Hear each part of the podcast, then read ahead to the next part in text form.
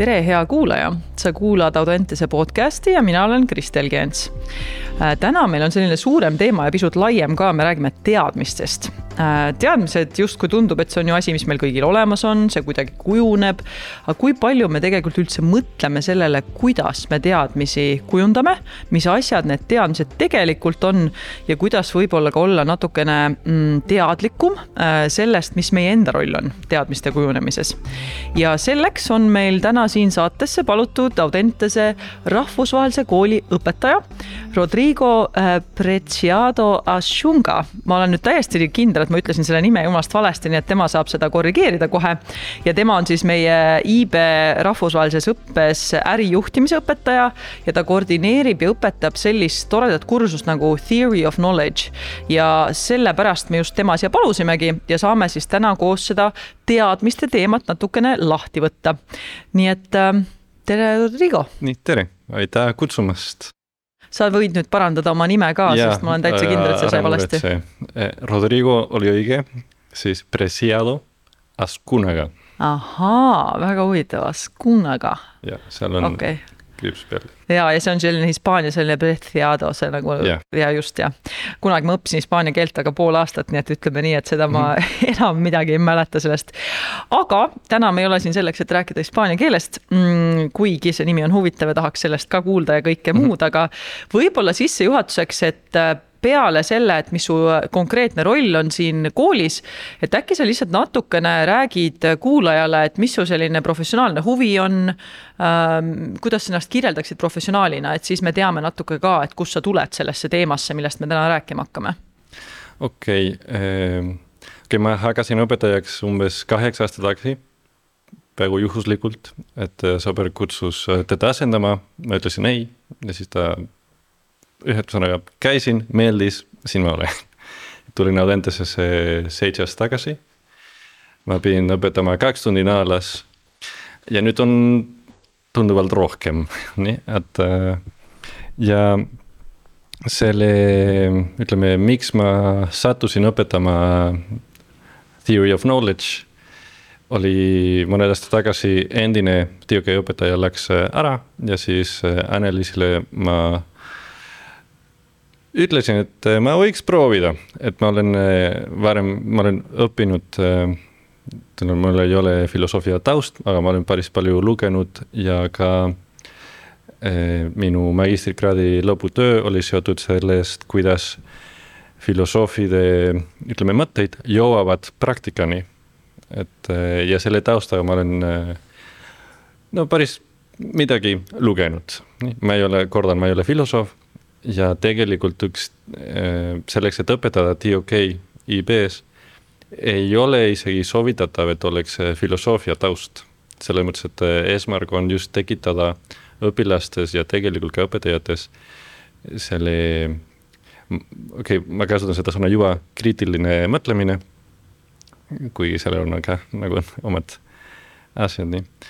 ja ja ka mulle on alati meeldinud, äh, siis kui ma olin ise gümnaasiumis, äh, ma olin ka IB õpilane ja ma mäletan, äh, esimene tund tuli õpetaja.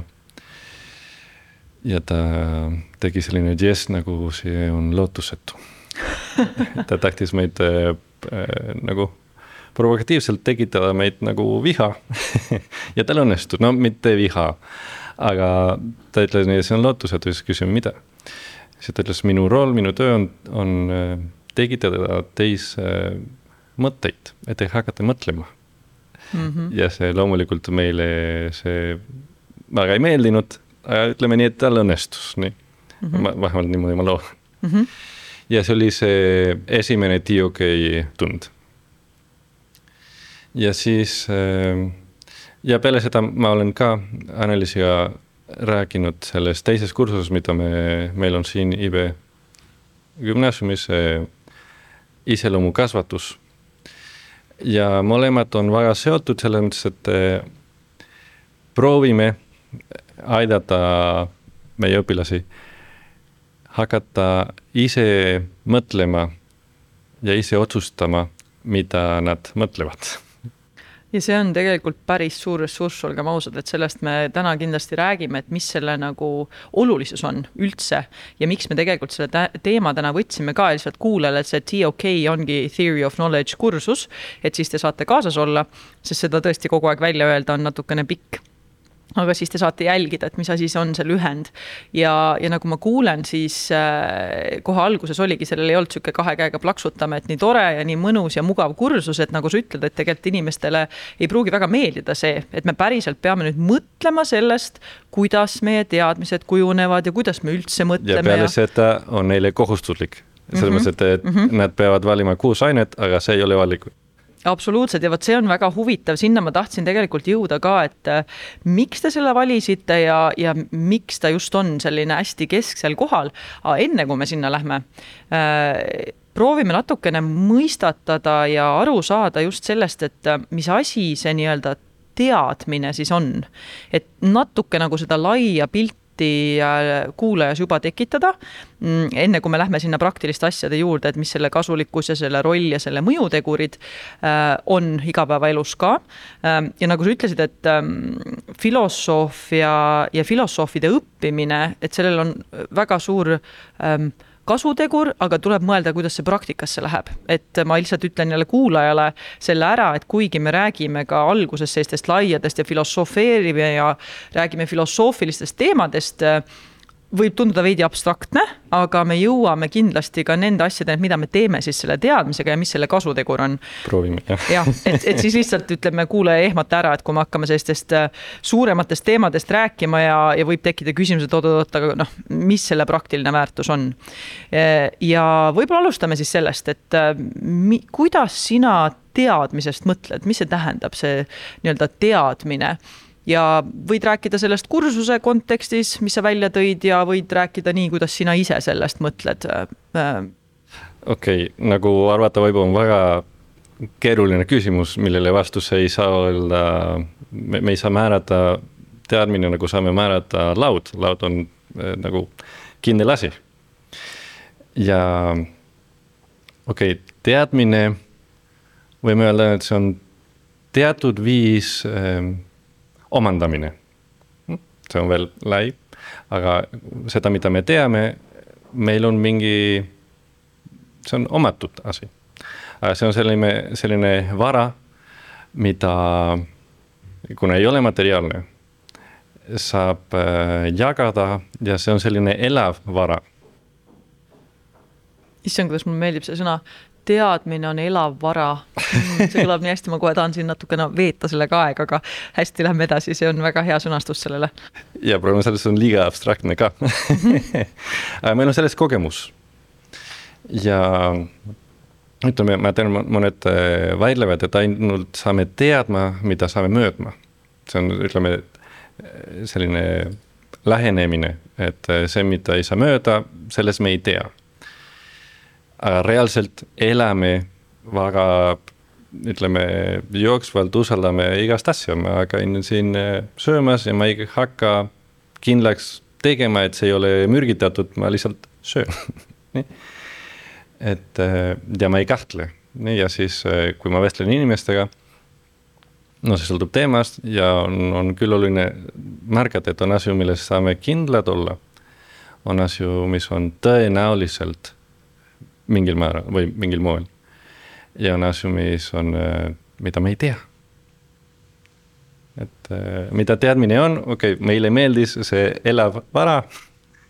Äh, see on teatud asi, mida omame, nii, ja see omandamine paneb küll, seal on midagi, mida oma teadmistele ma panen ise oma taustaga.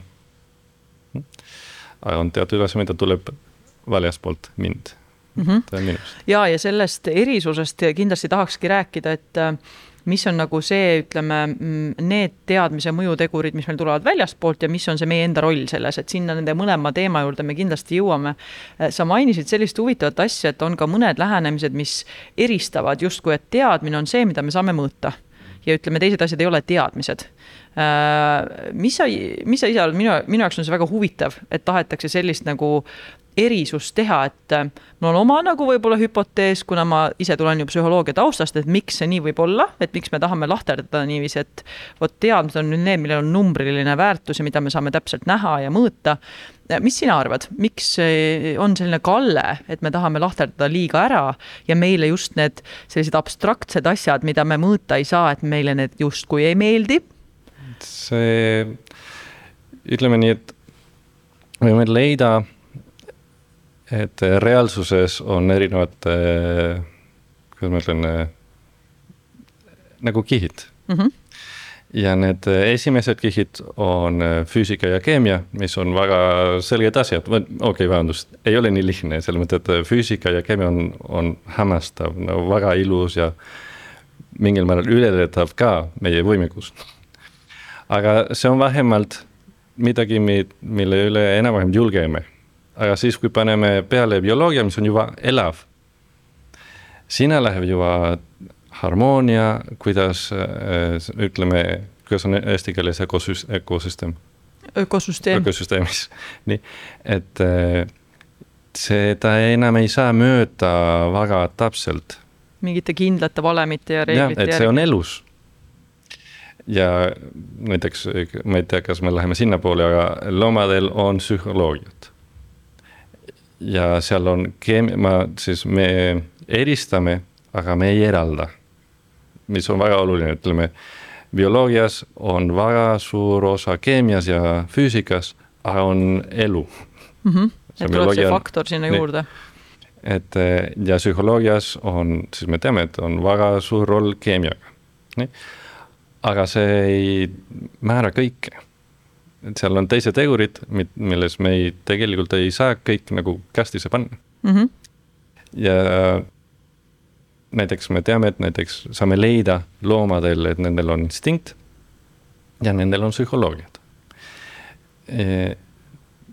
loomad üldiselt ei, või pigem ei saa ületada oma instinkti, meie saame. loomad ei vastuta selle eest, mida nad teevad, meie vastutame. et nüüd paneme veel järgmine eh, samm, kui rääkisime füüsikas ja keemias, panime elu, siis on bioloogia, nüüd paneme inimesed, kellel on erinevus loomadega, oleme küll loomad, selles mõttes, et meil on kõik need üle äh,, ala mainitud, ütleme, osad, nii, aga peale oleme küll, meil on, okei okay,, ma juba mainin äh,, mõistus, meil on tahe me saame, okei okay,, meil on tahe, meil on äh, süda, mis ei, me ei ole ainult äh, tundeid. meil on suhteid, suhtleme teiste inimestega ja see määrab, kes me oleme. minu siis iga inimese esimene äh, suhe on oma vanematega, ma olen minu vanemate laps. ja see määrab, kes ma olen. aga on veel viies faktor, ma ei tea, kas seda nimetada niimoodi, mida me ei tea. et inimeste kohta ja reaalsuse kohta on asi, millele ei jõua. ja see on hea, et see on müsteerium. ja ma arvan, et sellepärast kipume, ütleme, meile ei meeldi, mida me ei saa kontrollida. ja sellepärast kipume defineerima kõik, eh, ütleme, statistika järgi ja ma tean, et psühholoogias tehakse palju statistikat, mis vastab tõele, aga see ei defineeri kõike ütleme, statistika sisse ei mahu reaalsust. ja nüüd tuli teine mõte, et kui me, sa küsid, mida tähendab teadmine. Eh, on hea või pigem ei oleks kasulik, kui selle teadmise definitsioon oleks eh, määratavam kui reaalsus, millele see viidab mm. -hmm ja see on ka üsna, üsna loogiline, et need, need äh, peaksidki ju kokku käima, selles mõttes, et see ja see, mis sa kirjeldad, on, on absoluutselt noh, kui mõelda psühholoogi, psühholoogia peale ka, et siis äh, inimesi äh, hirmutavadki asjad, mis ei ole kindlad, mis ei ole täpselt siuksed, mida me ennustada saame, millel on selline teadmatuse efekt juures, et need on veidi hirmutavad, sest äh, noh, kindlad asjad on need, mida me saame usaldada ja siis on, ütleme, minnes vanasse aega tagasi, siis on see, et meil on suurem tõenäosus teada, kas see on nüüd mulle ohtlik või mitte ohtlik, eks ole. samas, et see, teame kindlalt, et me ei saa kõike aru saada ja võib-olla meil on vaja arendada seda valmidus, seda avatus sellele, et okei okay,, ma ei pea kõike kastidesse panema, pigem naudin sellest hämmastaval reaalsusest, see on nii suur, fantastiline, vau. ja see kergendab õppimine kindlasti ja, ja see julgus minna ka avastama neid asju, mida me ei saa täpselt mõõta. et nagu sa tõid välja, et psühholoogias küll noh, ma ütleks, et psühholoogia on ka on teadusharu, eks ole, mis keskendub siis teadmiste arendamisele ja, ja omandamisele ja jagamisele ja nagu sa ütlesid, et see on niisugune elav vara. aga jällegi, et see on minu arust nii kihvt sõna, see elav, sest kui me tahame mõelda teadmistest kui elavatest asjadest, siis see juba ütleb seda, et me ei saa täpselt ette ennustada, kas ütleme see, mis ta on praegu, me saame ju salvestada ära, et mis on teadmised praegu, milline on minu nii-öelda teadmiste pagas praegu. aga kui ma näen seda kui elavat vara, siis see võiks tähendada just seda, et see ongi okei okay,, et ta muutub see ongi normaalne, sest et elavad asjad ei jää ju kunagi samasuguseks, et ainuke asi, mis on konstantne, on see, et asjad on muutumises. ja noh, tegelikult nii on, et selles mõttes äh, ja noh, ma ei mõtle nüüd enda arvamusest lähtuvalt, vaid lihtsalt ütleme nendest asjadest, mis me teame, et on päriselt kindlad inimeste puhul, et siis üks asi, mis on kindel, on see, et me oleme muutumises. ja, ja samamoodi kui teadmistest mõelda, et see on elav vara, siis see ju annab samamoodi aimduse, et see ongi okei okay,, et teadmised muutuvad. Ja, ja see just on loomulik sellele.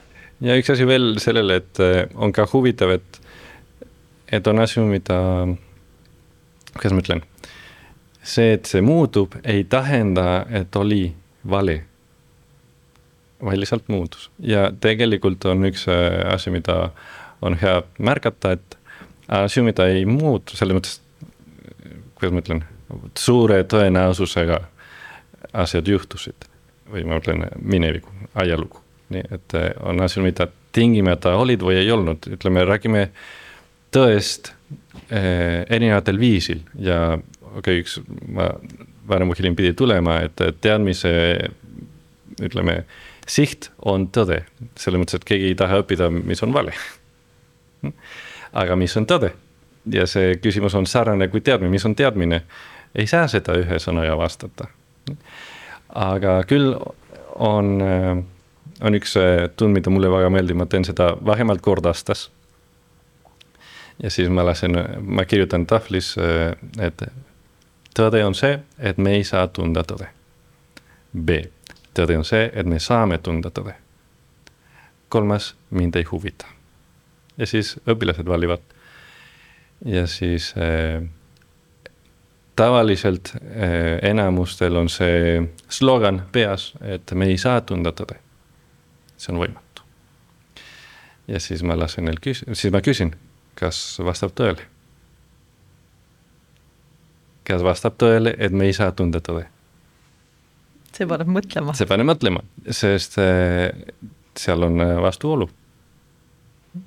ja paradoks. Ja paradoks, nii. ja siis äh, mingil hetkel enamus õpilased märkavad, et okei okay,, siis saame tunda tõde aga tavaliselt on ka üks, kes ei, ei saa. ja siis tuleb äh, märgata, et äh, ta ei taha selle vastu võtta. et probleem ei ole mõistmises, sest on siis vastuolu on selge, aga probleem on selles, et ma ei taha seda. ja pärast seda mis on ka väga hea kogemus märgata, et on asju, mida on või ei ole. et me ei saa mõlemad olla õiguses. ja, ja see on jällegi nii äh, mm, kergendav teadmine, et äh, me võime tõde tunda praegu aga see ei tähenda, et see on absoluutne, et meil kunagi see justkui äh, tõde ei või äh, teiseks tõeks saada. ja samas tegelikult selle peale ju teaduski paljus äh, üles ehitatud on, et me ju proovime ikkagi, nagu sa ütlesid väga hästi, et teadmiste omandamise ja arendamise mõte on ikka leida mingisugust tõde, aga samas see tõde on ka dünaamiline ja see on normaalsus, et teaduses leitaksegi uusi paremaid teadmisi, mis muudab seda varasemat tõde, mis ei tähenda seda, et see sellel hetkel ei olnud tõde mm. -hmm. jah. või isegi on... siiamaani on tõde, näiteks see tavaline näide, et Newton füüsikat kehtivad ikka, aga lihtsalt äh, Einstein ütles, et äh, kehtivad, aga mitte igal pool ja just, aga, aga nüüd, kui me tuleme natuke sellelt ähm,, me oleme pisut aimu saanud, et mida see tähendab üldse, see teadmine ja, ja kuidas ta on dünaamiline, ta on muutuv, ta on äh, mingil hetkel tõde, aga samas mitte absoluutne tõde ja me ei saa teda alati kasti panna, et ta ei ole alati selline mõõdetav, et äh, see ei tähenda, et see ei ole teadmine, kui ta ei ole, ütleme, numbritesse pandav või valemisse pandav, et ka teisi teadmisi on olemas ähm,. ja saime ka selle juba teada, et äh, inimesed äh, kipuvad natuke ähm, olema mm, kuidas siis öelda, kartlikud sellise asja suhtes, mida me ei saa mõõta ja mis on selline, mis ei ole justkui kindel, kindel, kindel.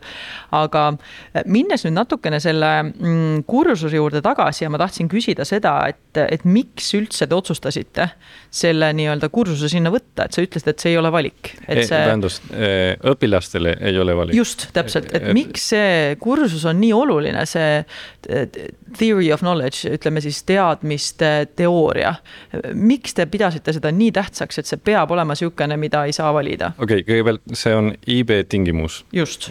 et see, see, ütleme koolidele, kes õpetavad selle IB programm, ei ole valik, et see on kohustuslik. aga miks on nii oluline IB süsteemis, on just, äh, ma arvan, et äh,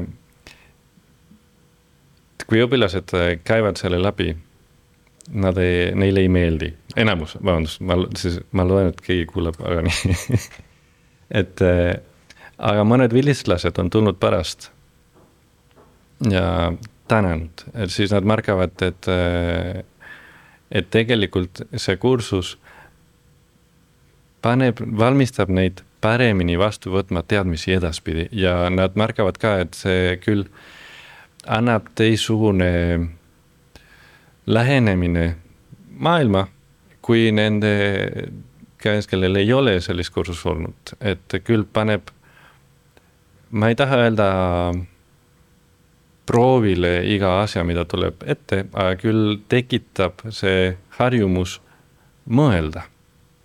et mitte võtta näiteks uudistes, mida iganes tuleb, nii on, vaid automaatselt mõtlen kriitiliselt mm. -hmm. ja see on äh, asi, kuhu me kindlasti jõuame just, et äh, üks asi, kuidas seda teha, kuidas seda saab endas arendada ka ja see on väga praktiline teadmine. Äh, kui aga minna korraks sinna, et mis sina arvad, et millised on, kuna meie teadmiste kujunemist mõjutavad ju väga paljud asjad. noh, mõjutab see, mis meil endal sees on nii-öelda meie sisemised tegurid ja samas mõjutavad ka välised tegurid.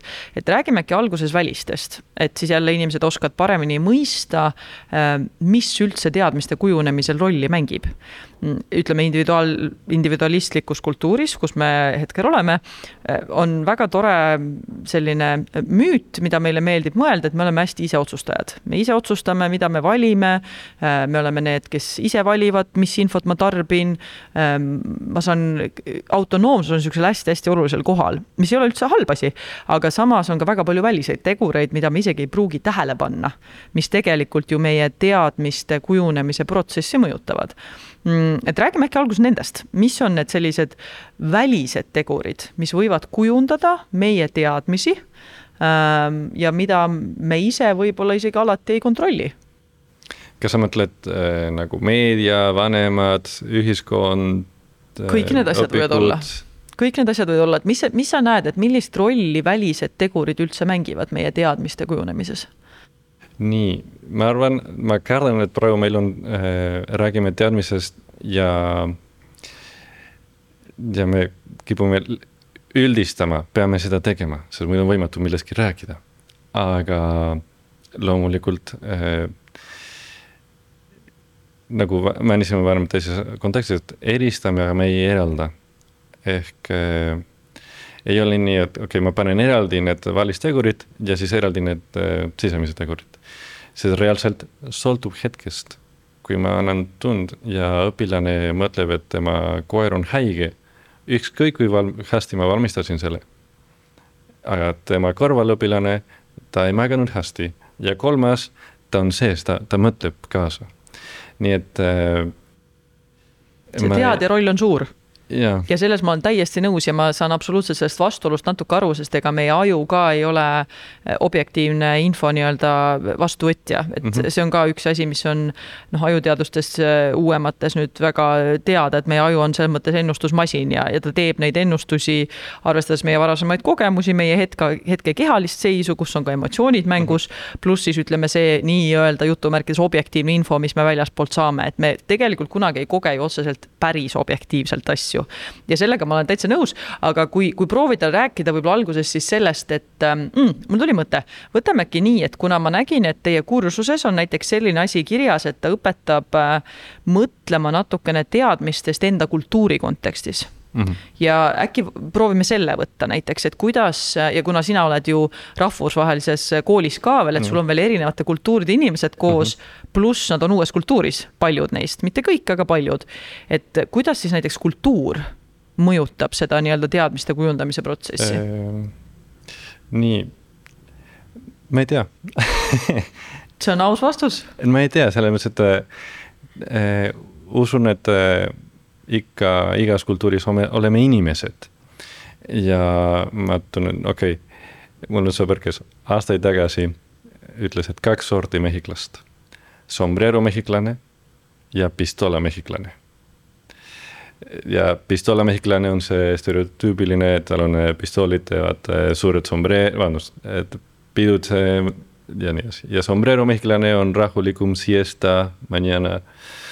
et, et see stereotüübid on olemas, nii et ja siis on ka jälle arvamusi või mõelda, et mehhiklane peaks olema väga avatud ja nagu peokorraldaja ja nii edasi.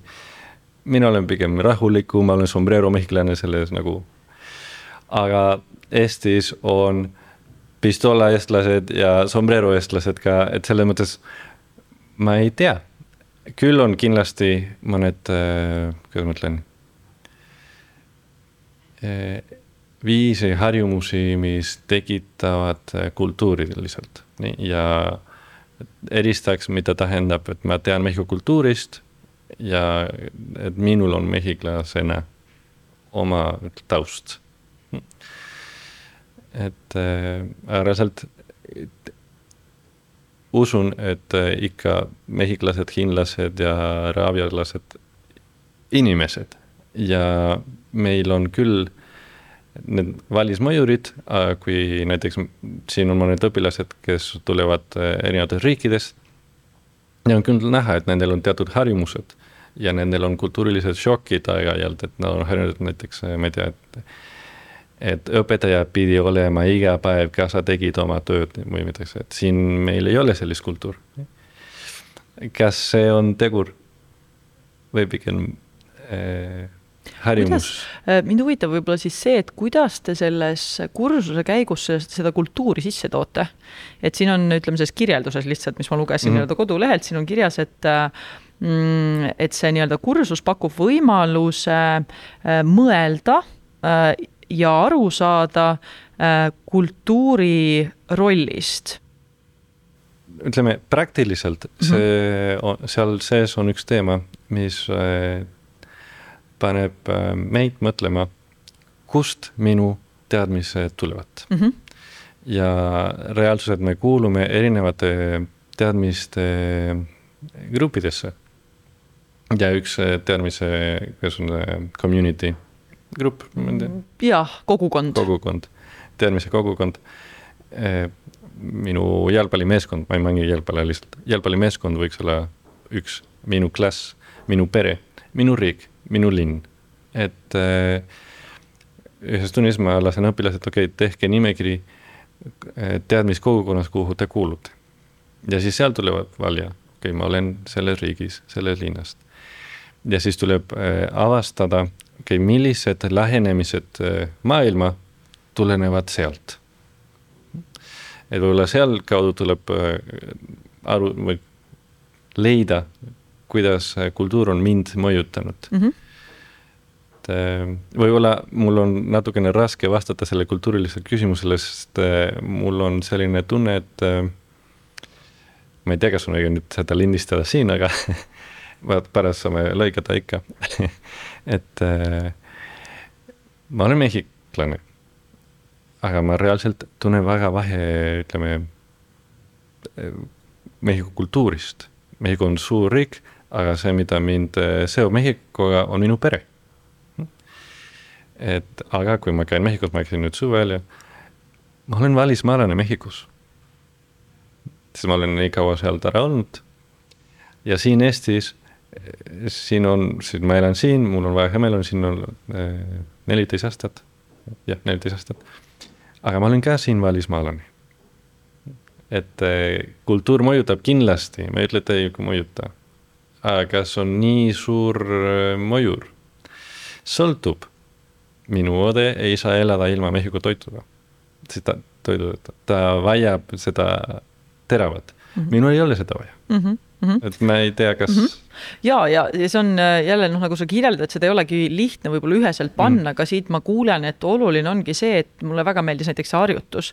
et, äh, et me saame ise võtta endale kasvõi paberi ette ja vaadatagi, et aga millistesse nii-öelda teadmis, teadmuskogukondadesse ma kuulun ja lihtsalt teadvustadagi seda, et tegelikult kõik need kogukonnad, kus ma olen, need ju mingil määral mõjutavad ja kujundavad minu teadmiste kujunemist ja seda, kuidas ma infot filtreerin, et kui ma olen mingisuguses nii-öelda teadmiskogukonnas, äh, näiteks kujutame ette, et ma olen, äh, nagu sa ütlesid, näiteks jalgpallivõistkond on ju, et ma olen jalgpallivõistkonnas, siis võib-olla seal on mingisugused harjumused, mingisugused teemad, mida rohkem käsitletakse, äh, mingisugused ähm, hinnangud, noh, inimestele meeldib ju väga palju hinnanguid anda ja arvamusi jagada.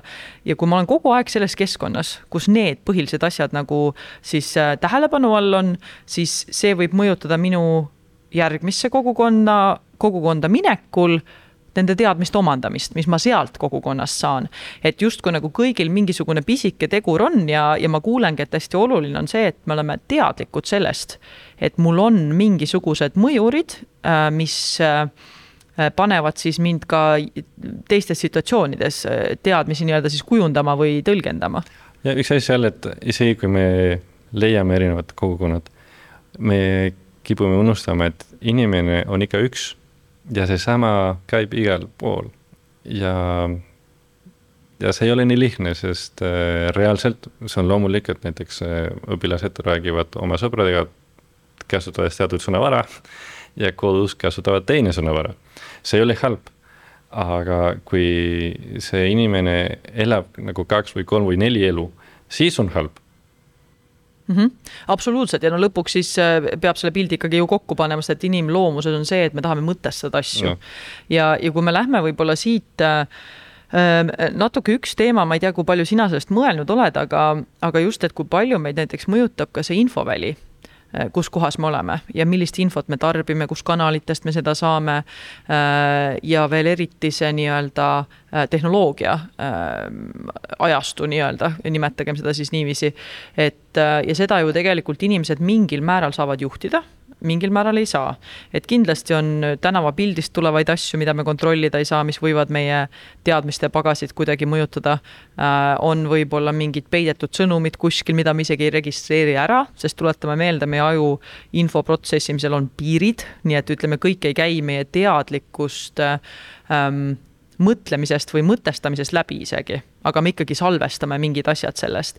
et noh, selles suhtes võiks öelda, et meid tegelikult mõjutab ka juba see see keskkond, kus me liigume, noh, juba see, mida me näeme ümberringi, mis sildid on igal pool, mida rohkem väljendatakse, kõik see võib ka meid mõjutada.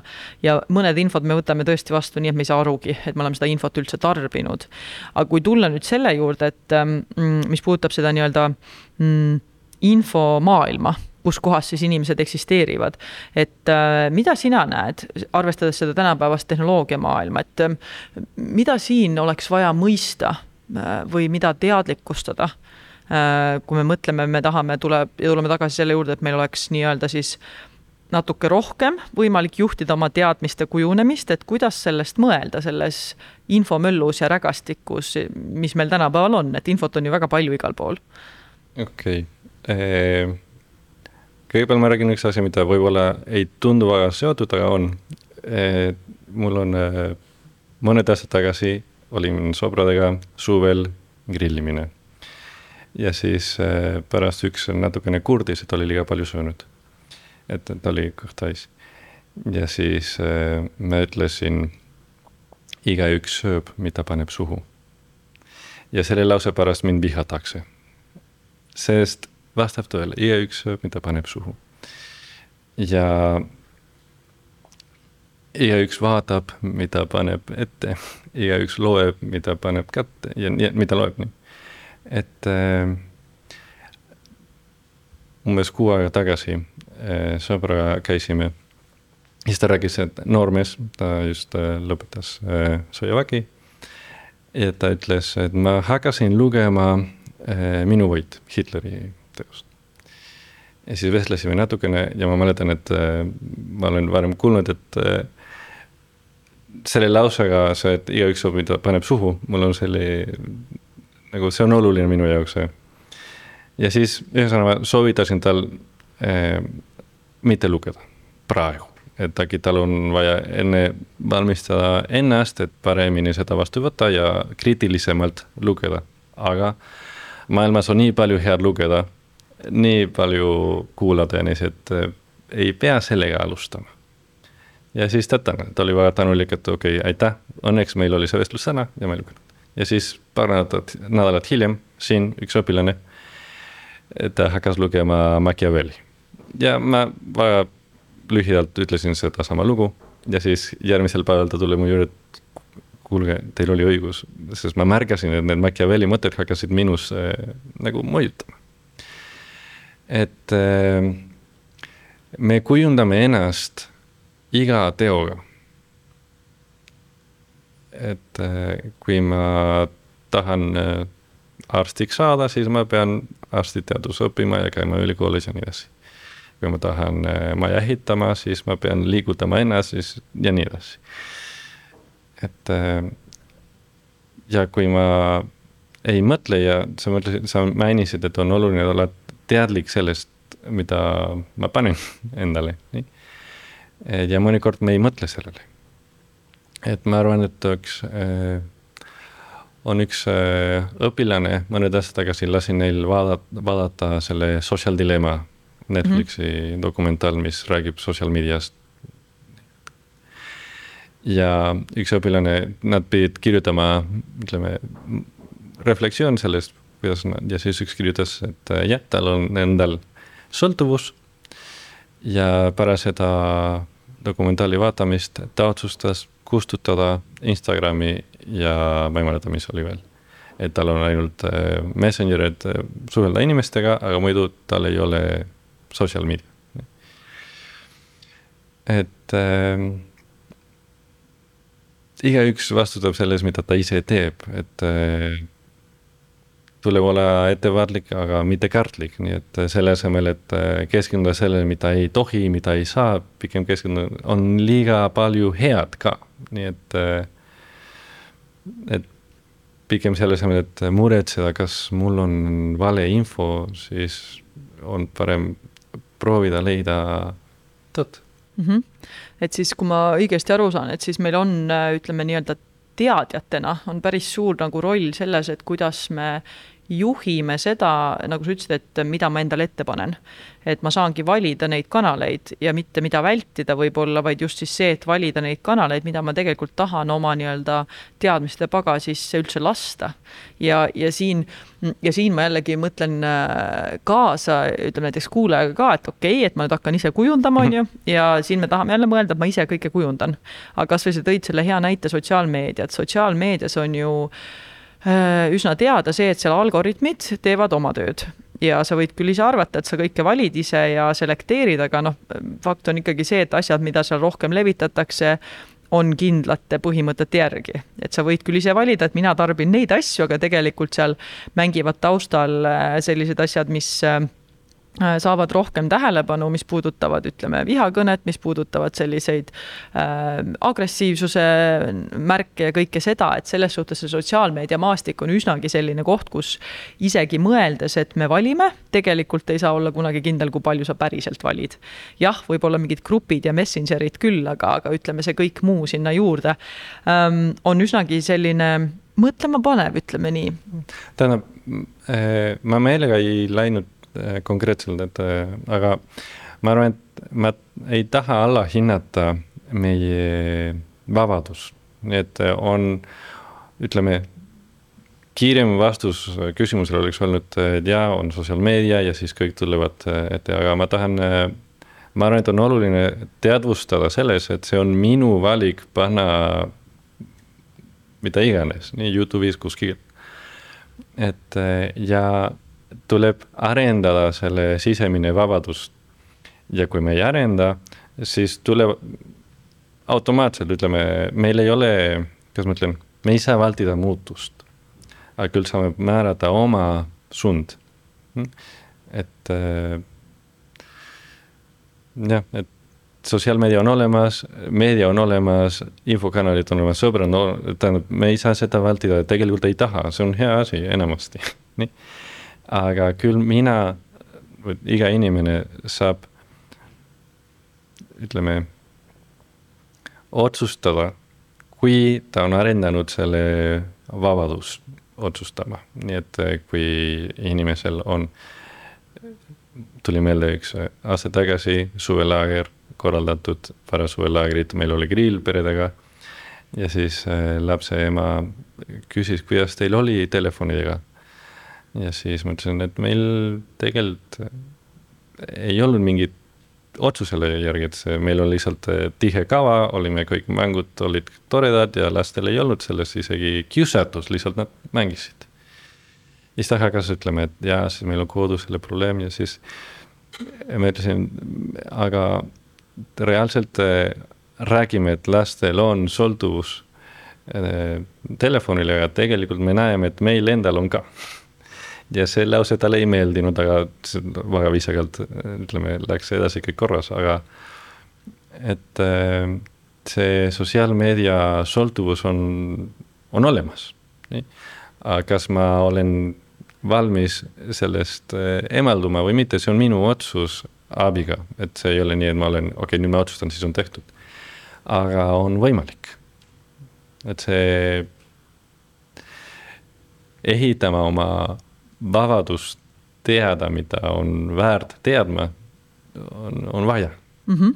kindlasti ja, ja just seesama, et mida, kui tulla tagasi selle juurde, millest me alustasime, et teadmised on elav vara kuna see sõna vara on nii tore seal, siis ta ütlebki, et see on midagi väga väärtuslikku.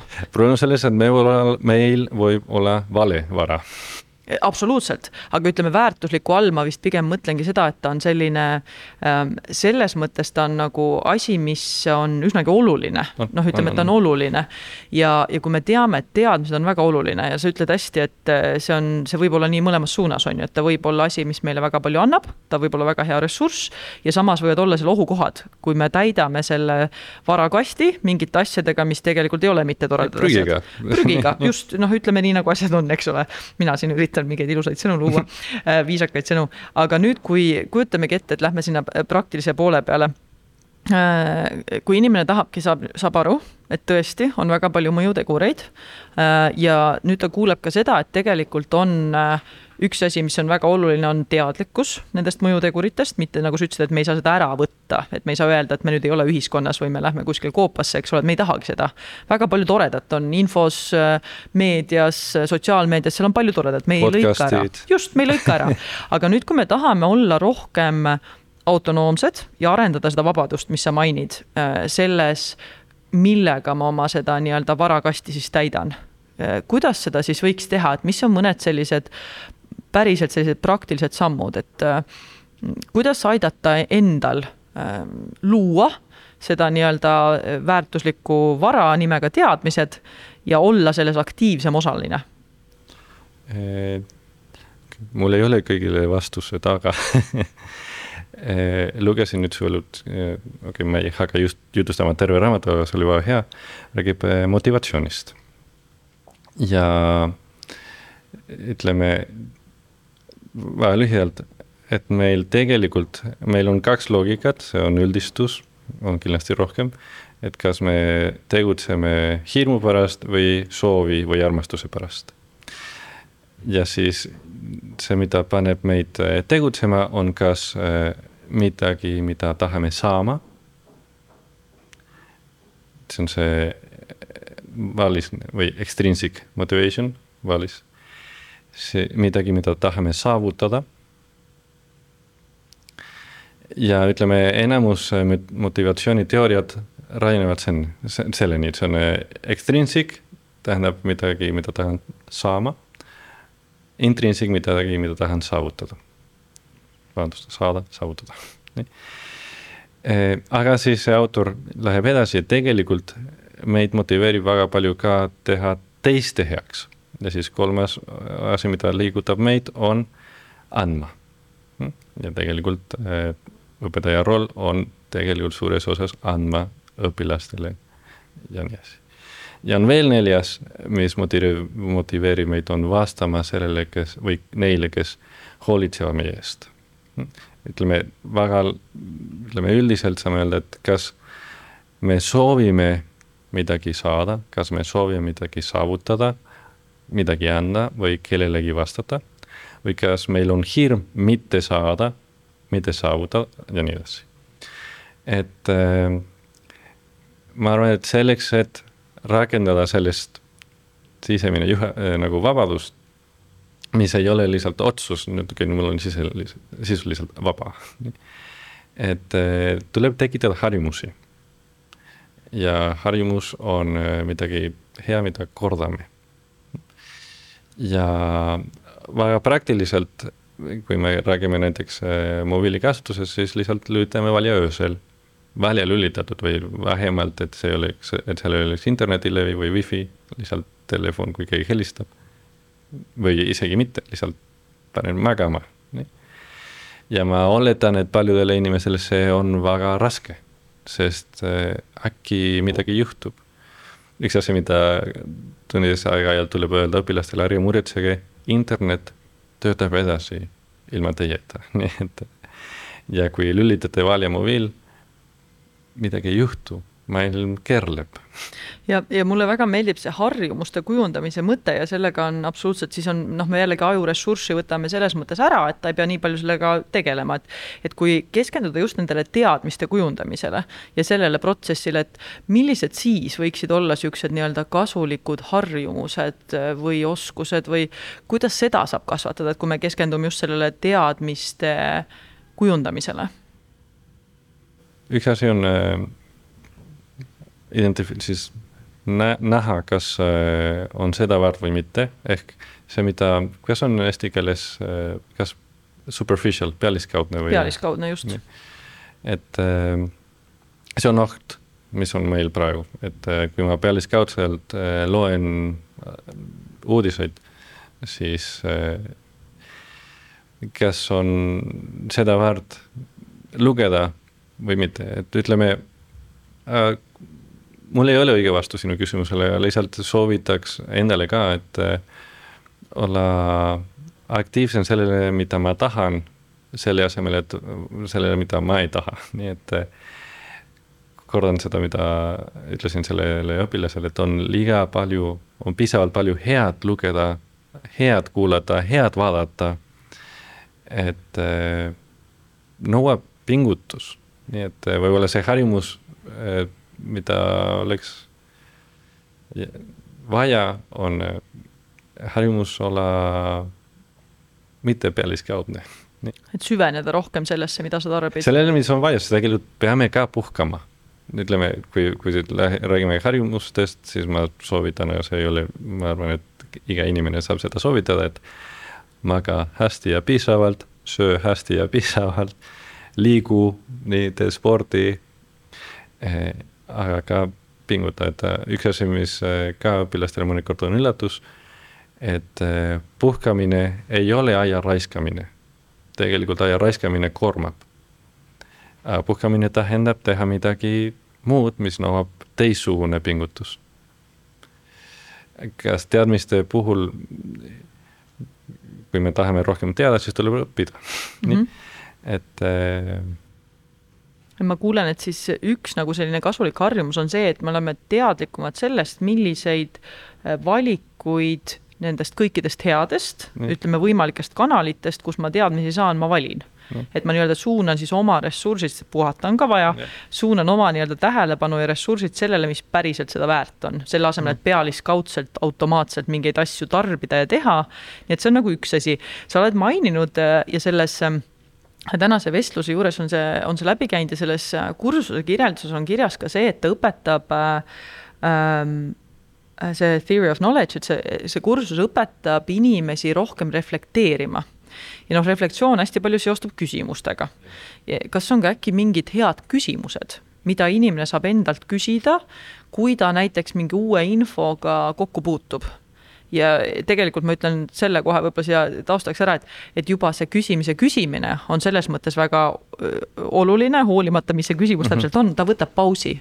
ja nüüd sa juba enam ei ole pealiskaudne selle info osas, mida sa praegu saad ja mis teadmist sa võib-olla nii-öelda lubad enda sinna väärtuste või tähendab teadmiste pagasisse. sa juba tekitad pausi et ahah, nüüd on siin midagi, kui sa küsimust küsid äh,. aga on sul äkki ka mõned mingid siuksed head küsimused noh, kui mingi info tuleb või uus äh, ükskõik mis kanalist, kujutame ette, et ta on valinud endale kõik kanalid, mida ta tahab. tal on niisugune hea valik nende osas mm. ja võimalikult vähe on neid, mida ta ei taha tarbida. ja, ja nüüd talle tuleb sealt kanalist tuleb mingisugune info, uus info.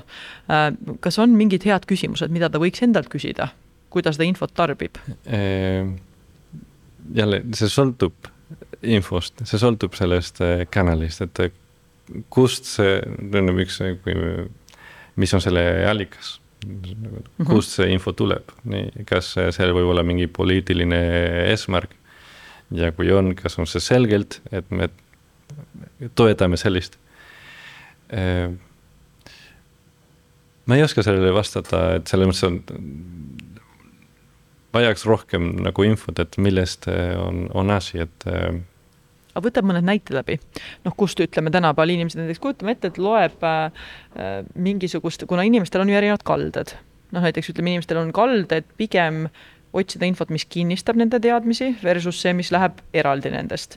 inimestel on kalle ka usaldada eksperte hoolimata sellest, et süveneda teemasse, mis tegelikult on ja kas ta ikka on nagu see õige, õige asi, on ju, et et meil on sellised ka justkui nagu automaatsused.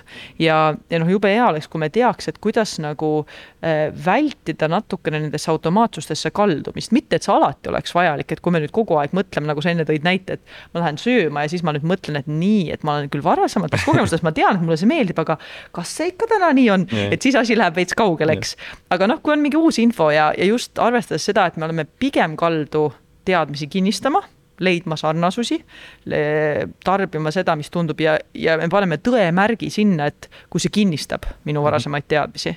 et kas on ka mingid viisid, kuidas saab äh, arendada enda teadmiste võrgustikku, mitte ainult kinnistada?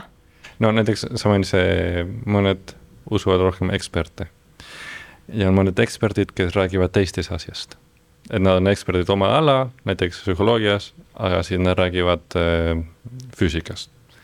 aga ta on ekspert. siis küsimus on, mille ekspert ta on, et äh, ja see, see juhtub tihti meedias ja igal pool, et äh, ta on professor, mida iganes äh,, asjatundja ajaloost, aga ta räägib meile sotsiaalmeedias. mis ei ole halb ja tal võib olla väga head arvamused, aga kui minu põhjus teda usaldama, on see, ta on ekspert, siis ma pean natukene mõtlema. Et ähm,. et esimene samm tegelikult on väga hea praktiline juba see, et mõelda läbi see allikas mm, -hmm. kust see info tuleb, kas see on mitte ainult see, et kas see allikas ise on nii-öelda usaldusväärne, vaid see ka, et kas see teema milles see allikas nii. nagu nii-öelda siis sõna võtab, kas see on nüüd veebileht või see on ajaleht või see on inimene, vahet ei ole, et kas tema selles valdkonnas on see kõige nii-öelda kindlam allikas, kelle äh, arvamust siis usaldada, eks. ja siis teine võib-olla praktiline nõu, mida ma kordan, et võib-olla enamus inimesi saaks seda öelda väga kergesti, et äh, juhtus nüüd, kui oli maailmavõitlus jalgpall. ma sain Whatsappi sõnum, Pele oli surnud aga siis ma mõtlesin, oot, et see, see ei ole, siis ma uurisin natukene, panin Google'isse Pele seis või midagi ja siis enamus infokanalites oli, et ta oli haiglas. Väga raskesti haige. Aga see Whatsappi sõnum oli, ta oli surnud, siis ma kirjutasin sinna gruppi, see oli ühes grupis. kuulge, ettevaatlikud, sest ta ei ole veel surnud nii et eh, see on see teine praktiline asi, et eh, kontrolli, mida enamus, kui see on, see ei ole väga hea argument, aga kontrolli, mida enamus ütlevad. See ei ole, kordan, see ei ole hea argument. aga see on selles mõttes jälle nagu mingis määral, see on tegelikult päris hea praktiline nõuanne, et, et sa ei jää kindlaks ühele allikale, vaid sa otsid seda, et kas teised allikad ka midagi selle kohta ütlevad ja kui need allikad midagi ütlevad, mida nemad ütlevad.